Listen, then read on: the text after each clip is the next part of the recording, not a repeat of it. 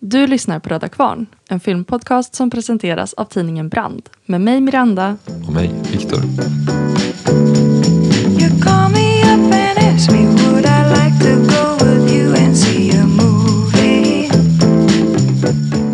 Vi har sett en film. Ja, det har vi. Vi har sett Stulna år. Jag skojar bara. Den heter så på svenska. Men Girl Interrupted från 1999 av James Mangold.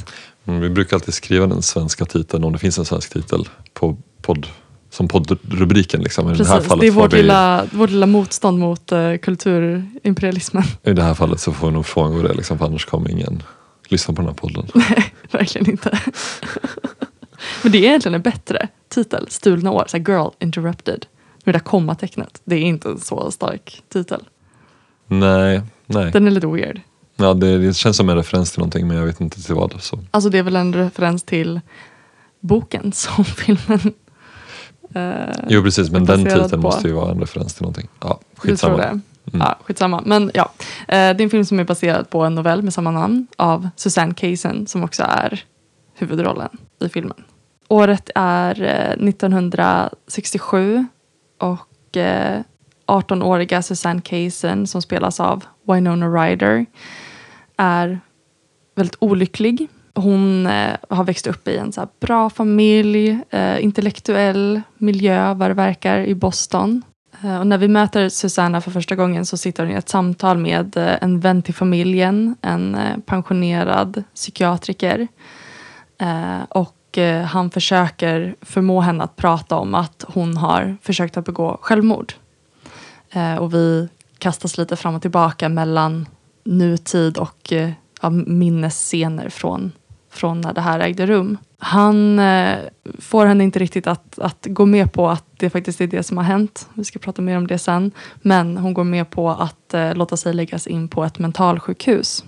När hon kommer dit så träffar hon terapeuten Dr. Melvin och eh, mentalskötaren Valerie som spelas av Whoopi Goldberg. Och på avdelningen så bor hon tillsammans med ett gäng troubled girls kan man väl beskriva dem som. Hon bor tillsammans med Georgina som är en patologisk lögnare och spelas av Clea Duval. Vi möter Daisy som är en självskadare och ätstörd spelas av Britney Murphy. Vi har Polly som är brännskadad och har, verkar ha bara så gått, gått i barndom. Eh, hon spelas av Elizabeth Moss. Och eh, sen till sist så gör eh, Lisa entré, eh, sociopaten som spelas av Angelina Jolie. Det här är verkligen en film som samlar alla eh, 90-talets it-girls på, ett, eh, på en institution. Ja, det är precis alla tjejer som var inne då plus Elizabeth, Elisabeth Moss Precis.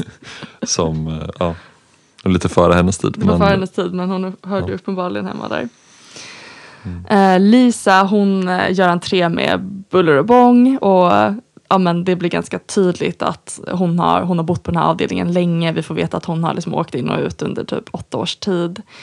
Hon är väldigt hemmastad där men hon följer inte reglerna.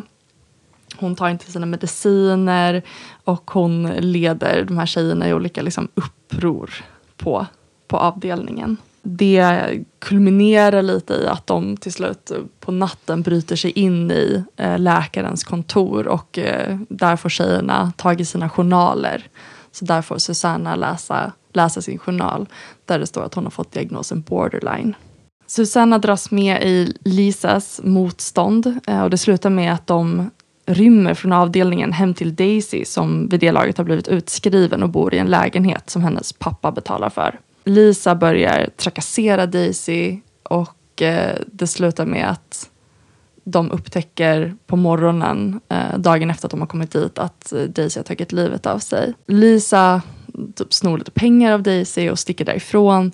Men Susanna ringer ambulans och eh, vi får sen se hur hon blir skjutsad tillbaka till avdelningen av Dr. Melvin. Susanna verkar gå djupare in i sin depression Eh, och hon börjar också ta medicinerna som har förskrivits henne här på avdelningen.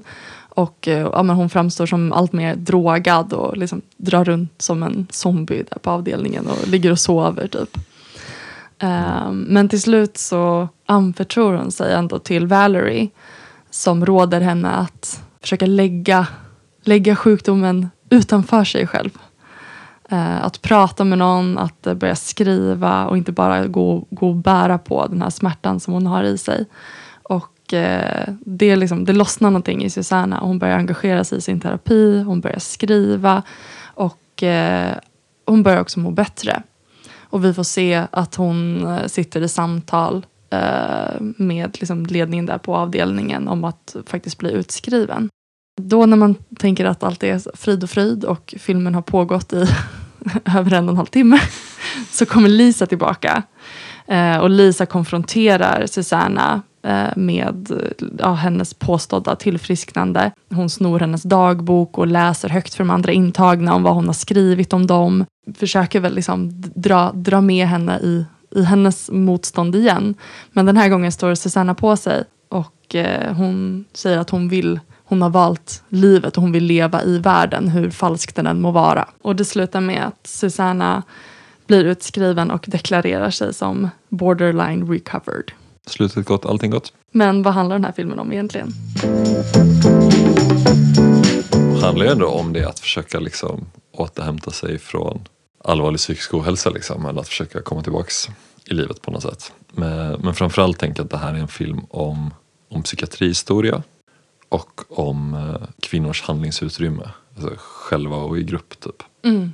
Det tänker jag är de jag vet, den handlar säkert om fler saker men det är de två sakerna som jag tänker att eh, vi kanske vill prata mer om idag. Liksom. Precis, den handlar ju också om att Winona Ryder är så jävla snyggt klädd i den här filmen.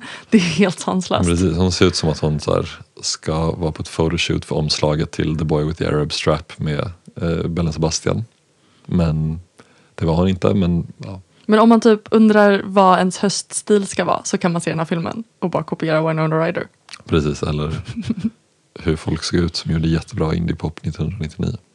Ja, det här är ju en film om en psykiatri- psykiatrisk institution. Mm. så som de var förr i tiden liksom, och framförallt under liksom, ja, men det man kanske kan kalla så här välfärdsstatsperioden liksom, under alltså den tidiga efterkrigstidens rekordår både i Sverige och liksom i andra jämförbara länder, i synnerhet i USA.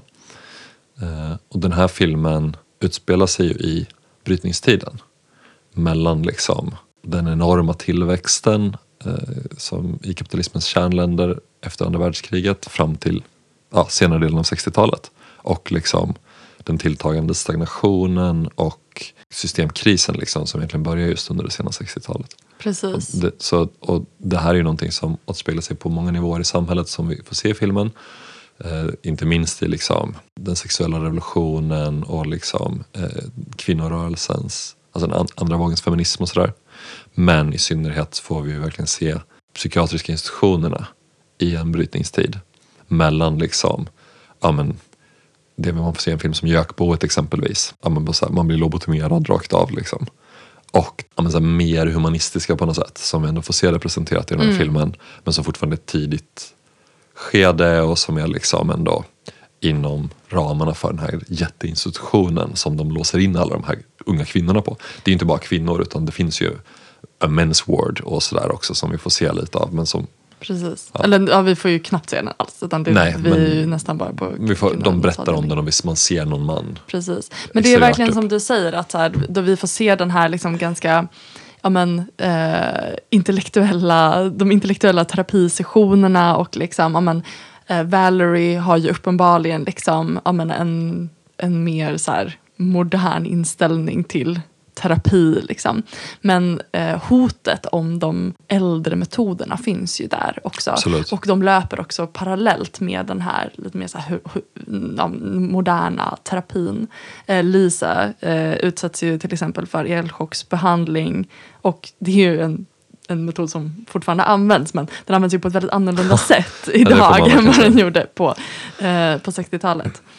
Ja precis, men det är också liksom den här välfärdsstatsfunktionen som finns i den. Att det är så här, här kan man vara typ. Ja.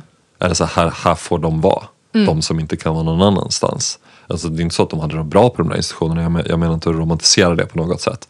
Men det var liksom en tydlig funktion eh, som de stora psykiatriska institutionerna fyllde även i Sverige. Liksom, Verkligen. under Och- den här tiden. Och eh, det är ju en funktion som avvecklas från och med 60-talet där man lägger ner de här stora institutionerna successivt i, i olika länder. I Sverige sker det framförallt i två omgångar, en omgång på 70-talet och sen en, framförallt en riktig omgång på 90-talet. Men i USA så sker det här eh, ja, men med start på 60-talet egentligen. Och mycket av liksom avinstitutionaliseringen och institutionskritiken där var ju sånt som inspirerade svenskar som jobbade med att liksom avveckla de här institutionerna. Precis. Eh, och jag tänker att vi får liksom se en, liksom en liten epilog från Susanna när hon säger att ja, vissa av de här eh, kvinnorna träffade jag igen och andra av de, de andra träffade jag inte. Men eh, by the 70s så var de ute och levde sina liv. Eh, och det är liksom, i filmen så framas det ju som att så här, de blev bättre, de tillfrisknade precis som, precis som hon gjorde. Men precis, det, vi, det vi vet är ju att ja, de var ju ute mycket på grund av att de här institutionerna bara inte fanns längre. Precis, många av de där karaktärerna som man ser, ja, men som typ Elisabeth Moss karaktär där, Polly. Som, det är ju väldigt Hon oklart vad hon har för diagnos. Men man, alltså, eh. man får ju en stark vibb att hon har ja, men liksom, intellektuella svårigheter typ. Eller någonting. Eh, hon, hon skulle ju vara helt chanslös, som du säger. Det fanns ju en väldigt legitim kritik i de här institutionerna. Liksom. Vi får ju se en ganska intressant bild av dem i den här filmen med. För att det är liksom, å ena sidan visas verkligen våldet. Men vi får ju samtidigt se, alltså det känns ändå som att det träder i bakgrunden i filmen på något sätt. Jämfört med ja, men de här upproriska upptågen å ena sidan. Liksom. Och sen de här mer mänskliga interventionerna från liksom, om Dr. Wick som hon heter. Inte, inte den här Melvin utan den andra läkaren som dyker upp lite senare och som är verkar vara en lite mer kompetent terapeut typ. eller analytiker. Eller hon är lite högsta hönset där. Ja precis, och hon tar sig an uh, Winona Ryder då. Och uh, Whoopi Goldbergs karaktär. Som sagt, liksom, de, de står ju ändå för något ganska så här varmt och medmänskligt. Och som vi, det är lite den bilden vi lämnar den här institutionen med också på något sätt. Att den faktiskt var där för de intagna skull och kunde hjälpa dem på något sätt. Ja, precis. Men filmen är lite dubbel på det sättet att Mm. den både beskriver liksom den här ja, men, terapins och institutionens framgångssaga med patienten som tillfrisknas samtidigt som vi också får se ja, men, de, liksom, de hopplösa kronikerna, vi får se våldet, vi får se medicineringen och upproret mot allt det här, inte minst, och liksom agensen. Eh, jag sa ju det efter att vi hade sett filmen att jag började tänka så himla mycket på Karin Johannisson och den sårade divan. Och Johannisson hon är ju typ nästan besatt av att så här, hitta att hitta och få tag i den här agensen som finns. I den sårade divan så undersöker hon ju liksom olika, hon gör så fallstudier på kända kvinnor som har suttit på Beckomberga. Och jag tänker att, eh, ja men eh, Susanna Kaysen är liksom, alltså hon, hon är lite för tråkig för Johannisson. Men, men hon är liksom till, tillräckligt så här intellektuell för att kunna verkligen iscensätta den här agensen som, som hon pratar om. Och ja, framförallt tillsammans med, tillsammans med Lisa. Precis, och Lisa är ju uppenbarligen en ganska smart person. Liksom. Mm. Och hon skiljer sig verkligen som någon som har ett fattningsförmåga eh, övertag jämfört med typ nästan alla hon interagerar med. Liksom. Och hon har ju också den här liksom, samvetsbristen, liksom, hon är bara beredd att agera hela tiden liksom, och, och extremt gränslös. De flesta är ju inte vana vid att möta människor som beter sig på det sättet. Människor beter sig ju sällan så. Mm. De människor är oftast lite hänsynsfulla. Eh, så hon lyckas ju verkligen agera på många olika sätt samtidigt som vi får inte se så mycket av hur hon fuckar upp det för sig själv utan vi får mest veta att hon försvinner iväg och sen så kommer hon tillbaka och det är lite oklart vad som har hänt däremellan. Mm. På det sättet är det ju verkligen en film ur Kaisens perspektiv, liksom. det är det ju på alla sätt egentligen. Men det är ju väldigt oklart egentligen på vilket sätt Lisa är inkapabel i världen eller varför hon inte Vi får ju också väldigt mycket bilden av att det där är hennes hem. Att hon Ja. återvänder hem om och om igen. Att hon är ute på sina liksom, eskapader men sen så återvänder hon hem till avdelningen. Precis, men varför är det hennes hem egentligen? Hon är så en smart, snygg tjej som typ är väldigt kapabel på väldigt många olika sätt. Liksom. Vi får inte riktigt se på ett så tydligt sätt. Det är ju den här slutkonfrontationen då. Liksom, att så här, men du är död inombords, du har liksom inget du värdesätter ungefär sådär. Mm. Säger Kajsen till henne. Men jag vet inte om, alltså, ja. Jag vet inte riktigt om det stämmer. Nej, men man undrar det liksom. Hon Men säger ju någonting- själv att det inte stämmer. Ja. Och då säger Kajsen så här, alltså en, en senare scen där de typ försonas med varandra Ja. precis när hon ska gå.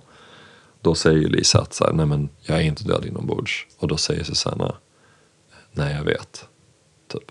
Mm. Så ja, inte. Men någonting som vi får se det är ju liksom ja, men den kvinnliga sexualiteten och hur den patologiseras. Det är ju ett, väldigt, det är liksom ett återkommande tema hos Kajsan men det, det är också någonting som finns hos Lisa som vi får liksom mer eller mindre så subtila hintar om. Liksom, inte minst från henne själv. När Susanna läser i sin journal och läser ja, den här borderline-diagnosen då går hon ju också till, ja vad heter det, manualen Ja, och läser, läser om sin diagnos. men det är ju oklart exakt vilken bok hon läser. Men hon läser ur. kan, men, kanske en eh, diagnostisk manual. Men, eh, ja, men där, hon, där hon läser om, om den här borderline-diagnosen och där ju promiscu, det promiskuösa, nej, ja, casual. De använder liksom olika begrepp men hon, hon försöker reda i det där. Att ha liksom eh, lösa förbindelser eh, och att vara promiskuös helt enkelt. Att det är en, ett kriterium eller liksom Mm. att det kan, det kan tyda, på, tyda på det i alla fall. Och eh, hon konfronterar ju sina terapeuter med det här. Bara, men hur många, liksom, hur många ska, jag- ska jag ligga med för att det ska räknas som promiskuös? Så räcker det med så här, är det liksom 109 eller är det 5? Mm. Ehm, och hur många skulle en man behöva ligga med för att bli kallad promiskuös? Eh, det här är ju något som också återkommer ehm, om liksom, ja, men, varför är de här kvinnorna instängda här och varför är Susanna instängd här? Är det liksom 1960-talets eh, kvinnoroll som de är instängda i egentligen eller som var för trång för dem och det är därför de har hamnat där. Mm. Alltså, det finns ju väldigt starka indikationer på att hon tycker att hennes roll liksom på något sätt i samhället tidigare är för trång. Alltså att liksom bara så tonårslivet och så här att flytta hemifrån och ta studenten och sådär liksom. Att det är så jobbigt och att hon är så begränsad i det på olika sätt. Och hon verkar håll, hårt hållen i sin familj får man ju en, en stark bild av liksom. Men precis, det är väldigt som du säger, liksom, väldigt ambivalent gällande liksom, om det är det som är problemet där med att hon är institutionaliserad. Eller inte liksom, för hon, hon säger ju det där. Eh, ja, men hur många skulle en man behöva ligga med och så vidare. Och så där. Men hon får ju svar på tal direkt av Dr. Wick. Liksom, som är så här. Ett exempel på att vara så promiskuös att det skulle ses som patologiskt skulle till exempel kunna vara att och så beskriver hon Susannas dag den dagen, liksom, eller så dagen innan typ. Eh, Vilket ju var lite orättvist för att hon verkar inte haft så mycket action någon annan dag. Men just den dagen var Precis, bra och det, exempel. och det var ju därför hon skickades till henne. Ja. Men jag menar att det blir ändå tydligt att hon har en poäng på något sätt och hon Mm. får ju rätt i slutändan och blir den som hjälper henne att komma ut. Liksom. Så att det finns ju en ambivalens i det där. Jag tycker att filmen är ganska osäker på vad det är. Och även i slutscenen, liksom slutmonologen, så säger ju Susanna att typ, men var jag galen? Är, vad är att vara galen? Jag uppfattar det som att hon ifrågasätter det dikotoma i det lite på något sätt. Alltså att det är som att vi är väl alla lite galna. Var går gränsen liksom? Men det är inte så, det är inte så knivskarpt liksom. Eh, precis, och i, en, eh, i en annan scen där Valerie liksom konfronterar henne, det här är liksom innan deras försoning kan man säga, så, eh, amen, så, så säger ju Valerie rakt ut att amen, jag, jag tror att du är en, en, bortskämd, en bortskämd liten tjej som eh, gör sig själv galen. Du håller på liksom att drive yourself crazy och du skulle inte behöva vara här. Hon är ju helt, alltså hon är ju jättefrustrerad på Susanna för att hon liksom ser att men du har ju verkligen potential. Varför börjar du liksom låtsas vara kroniker när du verkligen inte skulle behöva vara det? Men det där får vi också se, liksom, jag tänker att Alltså jag tänker på ett sätt så har Valerie rätt där. Och det är det vi liksom på något sätt får se i, i slutet av filmen. Hur hon liksom, hon slutar driva sig själv in i galenskapen. Hon väljer en annan väg. Det skulle man ju också kunna se som ett sånt här, alltså den typen av agens som Johannisson pratar om också. Men att, alltså såklart inte så, så svartvitt som att alla bara kan så här, välja om man vill vara galen eller inte. Såklart inte. Men så här, att eh, de diagnoser som finns och de institutioner som, som fortfarande finns men som fanns då, liksom de historiska institutioner som har funnits har liksom, ja men de har gett särskilda handlingsutrymmen för kvinnor som bara inte har så här, passat in i världen. Det ligger ändå någonting i det, Absolut. som den här filmen skildrar också. Absolut. Samtidigt som det ju är just den här ja, men det. Alltså Mm. att det är liksom det blir liksom fel om man tänker att det bara finns det där våldet och att de bara är föremål för det där våldet. och Att de inte handlar själva. Liksom. Men det blir ju också fel. Och bara det rena offerperspektivet. Men det blir ju också fel om man helt eh, säger att det här är liksom vilket jag tycker den här filmen lite slår över i i slutet om jag ska vara ärlig. Att det är liksom det blir väldigt mycket så här, men man behöver skärpa sig liksom. Och du Lisa, du, jag vill, du ska komma och träffa mig ute. Du ska också återhämta dig liksom. Och vi axlar lite hela den grejen. Det är ju intressant för att det är just ur Kaisens perspektiv. Och jag vet inte hur mycket den här filmen är tänkt att vara så här en opolitlig berättarperspektiv liksom. Jag tror inte det. Det, det är verkligen inte den vibben alls liksom. Och den, den, den går ju inte in i det.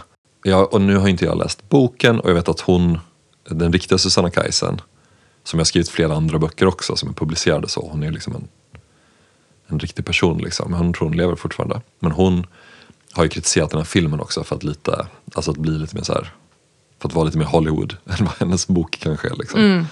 Eh, typ den här rymningen finns tydligen inte med i boken till exempel.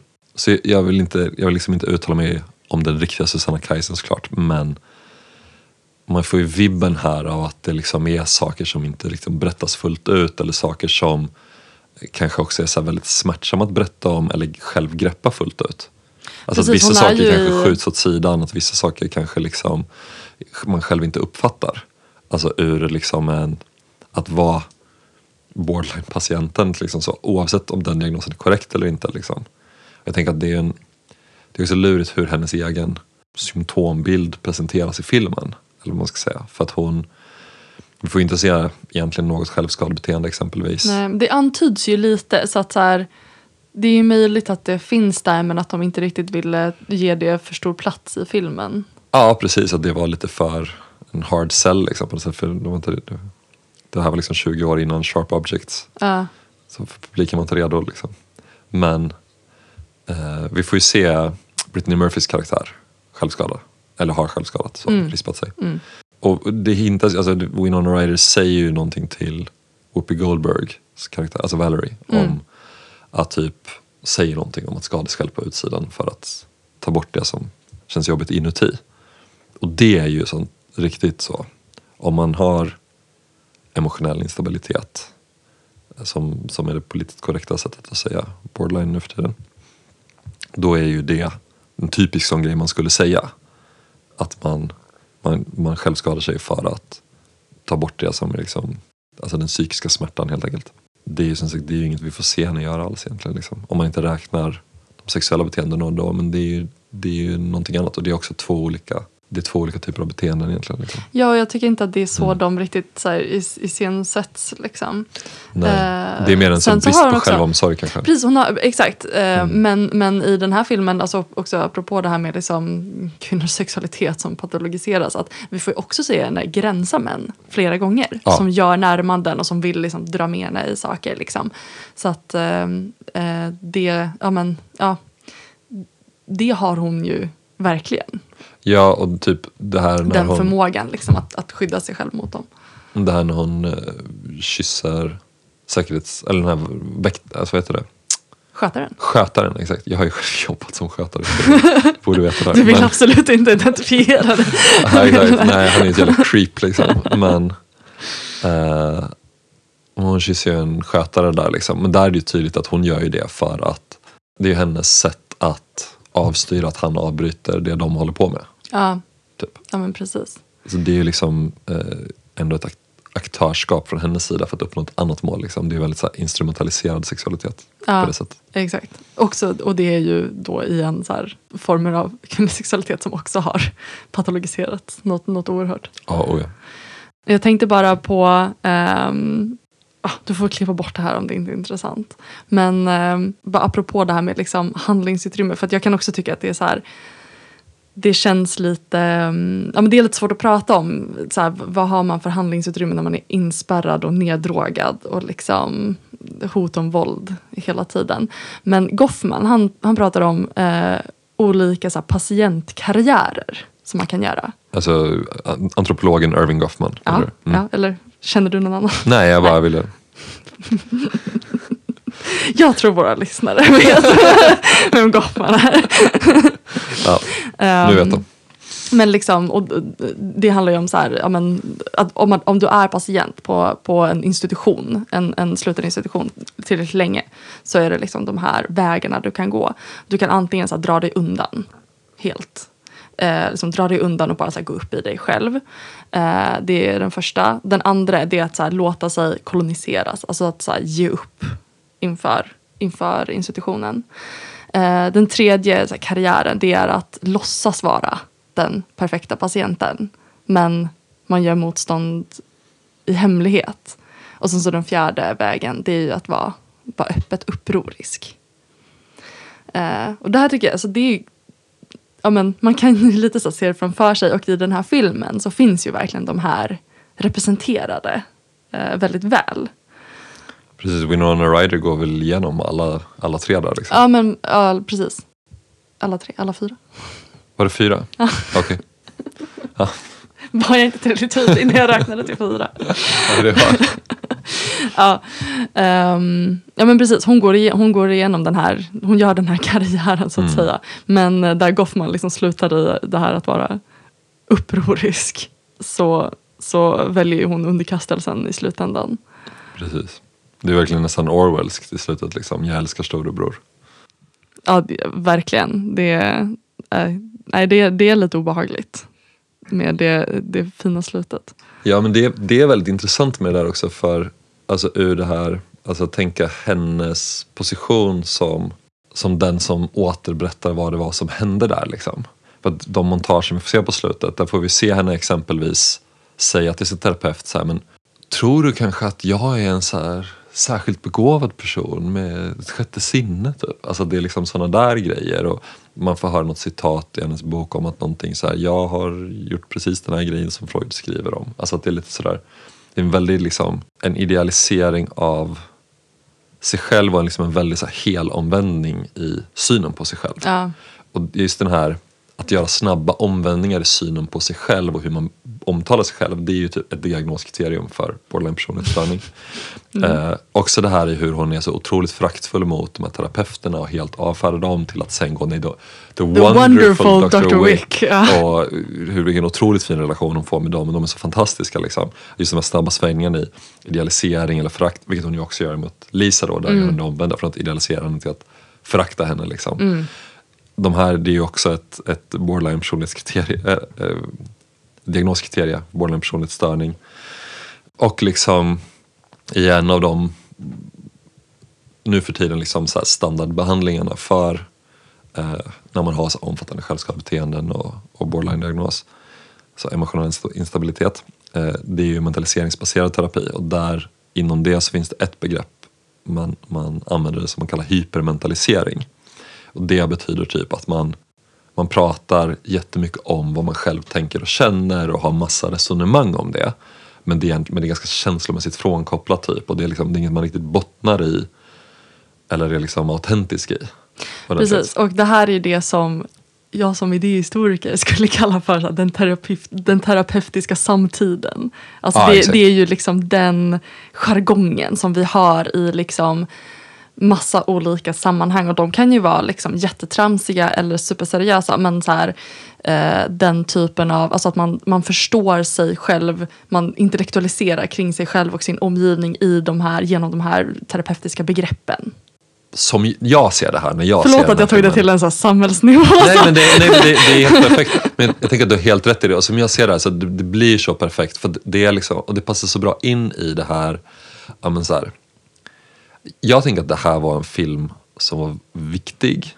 För det var en så himla stor produktion med alla de här stjärnorna. Den är närvarande i populärkulturen igen nu. Jag tänker att det beror på att det är liksom väldigt många kvinnor som nu är i 30-40 års åldern som sett den här filmen liksom tidigare när de var yngre och då var den viktig på något sätt så att man kunde identifiera sig även om man kanske inte var fullt ut liksom Winona Ryders eller Angelina Jolies karaktär eller om man var det så kanske man ändå på något sätt kunde identifiera sig med det här liksom. och det var ju en film som var hyfsat tidig med att skildra dem som på ett sätt som kanske är lite normaliserande ändå. Men jag tror också och att- jag tror också att är hela möjligt, så här- behandling är typ. Och jag tror också att hela så borderline-diagnosen var, liksom, fick ett så här, pop- populärkulturellt genomslag i den här filmen. Okej. Ja. Att liksom innan så har vi sett liksom, ja men typ schizofreni till exempel skildras på ett väldigt så här fantastiskt sätt. Um, men så här oerhört liksom dramatiserat och liksom egentligen inte särskilt klargörande utan mest bara så mystifierat. Liksom. Men, det, den, det, ja, men det har haft liksom en, en roll i populärkulturen. Men att så här, med den här, den här filmen kom lite från, kom lite från sidan Ja. och tog borderline-diagnosen. Ja, men det, det, det är väldigt intressant att du säger det. Men jag menar att det passar så bra in i det som idag har blivit helt mainstream. Som är just det men vi måste våga prata om psykisk ohälsa. Vi måste bryta de här tabuerna. Och det är ju en viktig utveckling som såklart är väldigt positiv. Eller? Nej men jag tycker att den är det. Det klart, finns, du, ju, det, det är finns klart, ju, att, klart du tycker det. ja, men det finns ju olika avarter av det som är så här, ja, rent kommersiella. Typ så här, läkemedelsbolag tycker att så här, vi måste bryta stigman genom att köpa det här. Eller liksom, ja men vet. Kry kör reklam i tunnelbanan om att eh, får du också ångest av manssamhället. Pratar med en psykolog idag. Alltså att det är så här, Ja.